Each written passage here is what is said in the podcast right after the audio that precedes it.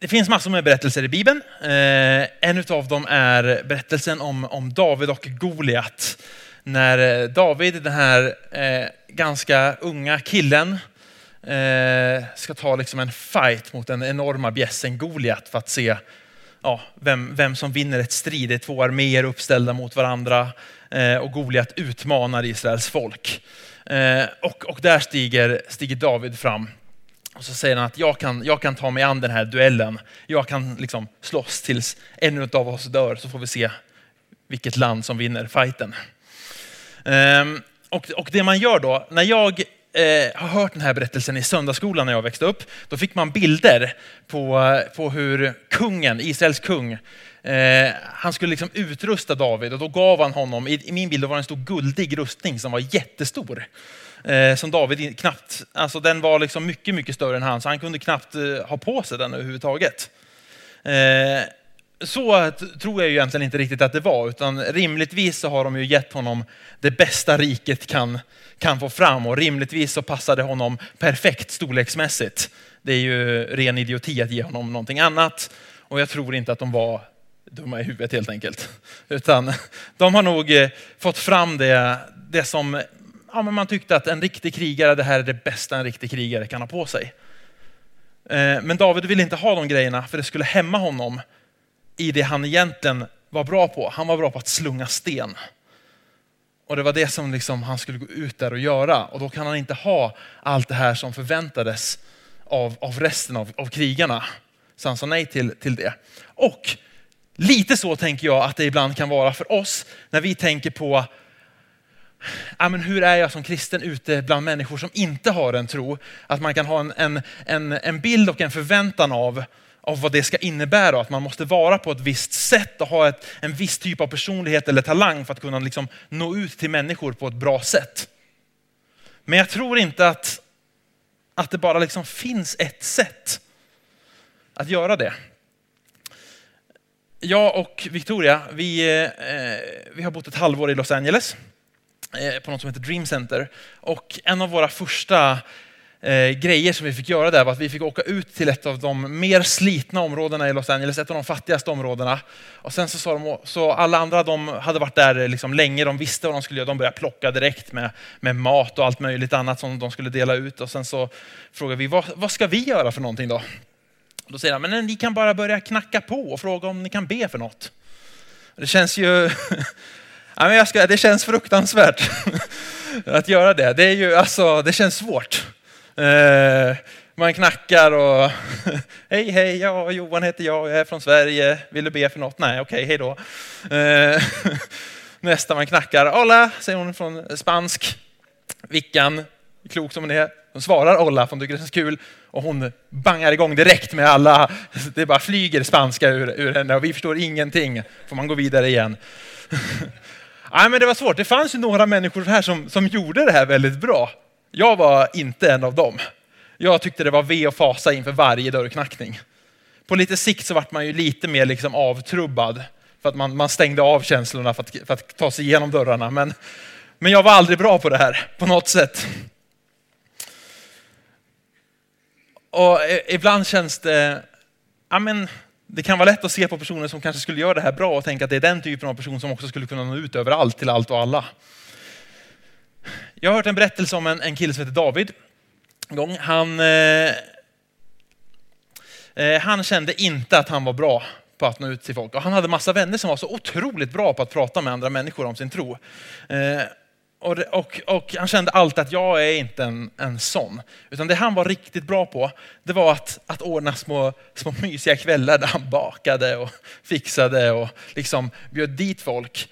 Och sen var det någon som sa någon gång på en, en gudstjänst att, att det här handlar om ett uppdrag som vi har tillsammans. Det handlar inte om att en person ska vara superbra på det och det är liksom den allt hänger på. Utan det är någonstans ett, ett uppdrag vi har fått från Gud som församling och som gemenskap. Så han bjuda, började bjuda in sina okristna vänner tillsammans med de här tokarna som bara pratar om Gud och i allt och alla situationer. Och så började de mötas och umgås. Och där började det hända någonting. Och så får han liksom fungera i, dess, i den personlighet som han är och i den Gud har skapat honom till att vara i, tillsammans med de andra. Och hans vänner i hans umgängeskrets börjar komma till tro. Och jag tycker det är fantastiskt att vi kan få använda våra olika. Jag ska ge ett exempel till. En, en tjej som, som heter Julie som i, i hela sitt liv eh, aldrig delat sin tro med någon på något sätt. Eh, hon tycker det är svårt, introvert, eh, blyg, eh, ser på de människorna som, som, som är sprudlande och pratar om livet med Jesus och, och hej och hå. Men, men hon är verkligen inte sån. Så hon har bara stängt av den delen av sitt liv. Jag är inte med i, i, i det helt enkelt. Det är hennes, ja, hennes tanke. Eh, tills någon också någon gång berättar, hon får höra en, en, berättelse från någon annan som har gjort någonting där hon börjar inse att vänta, jag kanske kan använda den jag är i det här. Och så börjar hon att förstå att, för det hon är bra på, det är en kopp te tillsammans en och en med en människa. Och så börjar hon inse att i det samtalet kanske jag kan prata om tro på, på ett naturligt och avspänt sätt. Och inte det här som jag har sett hos andra. Och börja göra det. Eh, I hennes fall så var det, ja, det är spektakulärt, men på ett år så har 16 av hennes vänner tagit emot Jesus. Och jag tror det är alltså när vi vågar, men när vi gör det utifrån från vad Gud har lagt ner i oss, då tror jag att det händer någonting. Det finns en kvinna i Bibeln också som heter Tabita, hon finns i Apostlagärningarna 9 som står att hon är fantastiskt bra på att ta, sig, ta hand om människor bara. Hon bryr sig om de fattiga, hon, hon syr kläder och grejer. Det är det hon, hon gör. Hon får också bara fungera i, i sina gåvor, i den hon är. För att nå ut. Och jag tror det är superviktigt. Alltså, det handlar inte bara om att berätta, utan det handlar också om att visa på ett annat sätt att leva och på, på ett sätt att vara och agera mot andra. Jag tror de här sakerna går hand i hand. Jag tror bön är superviktigt i det här också, men vi ska inte bara be. Vi ska också göra. Jag började fundera på det här utifrån min, min roll som, som lärare och det blir ju ett, ett yrke för mig och en yrkesplats eh, som jag är på. Men det gäller ju inte bara min yrkesplats. I mitt fall så handlar det om att vi flyttade hit, vi kände ingen i Sollentuna, vi började jobba i kyrkan. Hela vårt umgängeskrets är kristna. Alla jag träffar i mitt jobb är kristna. Jag träffar bara kristna människor. Jag lever i en, en superkristen bubbla. Eh, och här blir liksom första gången nu på tre år som jag stiger ur den bubblan och in i någonting annat. Och därför har jag börjat få, få fundera över de här frågorna lite, lite skarpare och lite mer ordentligt vad det här faktiskt innebär för mig. Men det gäller ju inte bara våra yrken utan det här är ju någonting som gäller hela våra liv. Jag önskar ju för min del, jag önskar inte att Gud är med mig bara i kyrkan utan att, att eh, han är med mig även i skolan och att jag går med Gud även i skolan. Men om du jagar och har ett jaktlag eller om du spelar golf eller vad som helst. Det här handlar om alla situationer där vi rör oss ute bland människor på ett eller annat sätt. Så tror jag det kan vara värt att tänka till kring och fundera över vad blir min roll som, som, som kristen och som liksom Jesu lärjunge i mötet med de här människorna. Jag har bara i skolan tänkt, jag har liksom bara en liten startplan om man säger. Jag vet inte vart den ska leda hela vägen. Jag har tänkt så här, jag vill att det ska vara otroligt tydligt för dem vad jag tror på. Det ska inte vara något, något snack liksom om det. Det måste jag förmedla på ett eller annat sätt. Jag vill inte vara påtryckande, men jag vill att det ska vara tydligt. Och sen så vill jag att, att det också ska märkas eh, i hur jag är mot, mot andra människor och hur jag agerar, att det är någonting annat. Att det finns en, en större nivå av kärlek eh, än vad som är förväntat de, de två grejerna. Och jag har nu jag har jobbat en vecka där. Och jag har på den veckan hunnit inse att eh, när jag tänker så här, att här är jag en ambassadör för Guds rike. När jag aktivt tänker så och tittar ut på människor och pratar med folk, då blir det lite lättare. Det som blir lite lättare är alltså att när någon frågar, vad gjorde du helgen? Är inte mitt svar, eller hur var helgen? Ja, men den var bra. Utan jag säger att eh, den var fantastisk. Jag är ju med uppe i Pingstkyrkan här och är där varje helg. Jag, alltså, jag smiter in det bara. Eh. Och sen så frågar jag, hur var det själv? Ja, men jag vill bara göra det väldigt tydligt att det här är en viktig del av mitt liv, en viktig del av min, av min tro. Och så gör det också lite lättare när jag tänker så, här är jag en ambassadör för Gud, vad innebär det? Och så tittar jag runt. Då innebär det att jag funderar på, vem här inne skulle det betyda mest för att jag frågar om den vill hänga med ut och käka lunch nu? Alltså man försöker tänka ett steg till. Jag är övertygad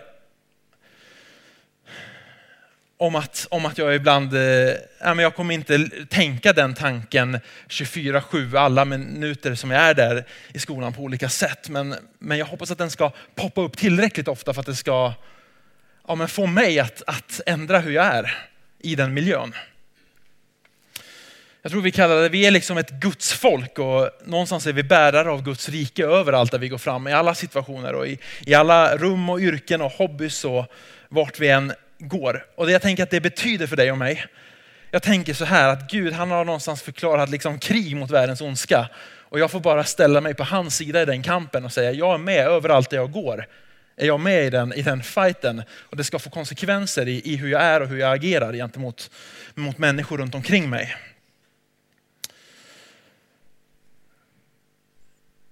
Jag är stensäker på att jag kommer att, att misslyckas med att, att vara allt det jag önskar att jag skulle vara i skolans värld. Men jag hoppas att jag stundtals ska få glimma till lite ändå.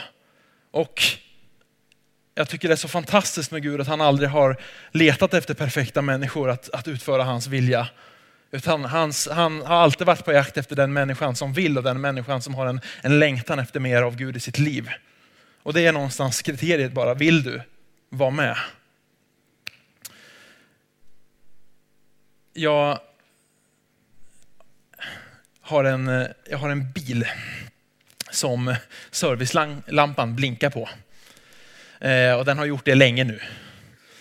Eh, och häromdagen så började den också att tjuta när den blinkar. Och det är för att jag har passerat tusen mil.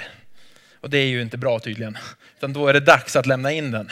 Och så här är det ju med våra, våra bilar att vi behöver lämna in dem på service ibland och så behöver man besikta dem ibland.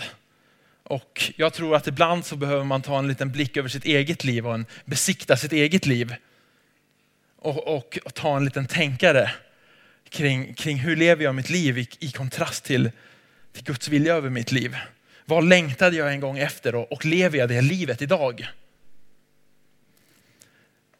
Jag ska bara liksom skicka med en, en fundering som du kan få fundera på.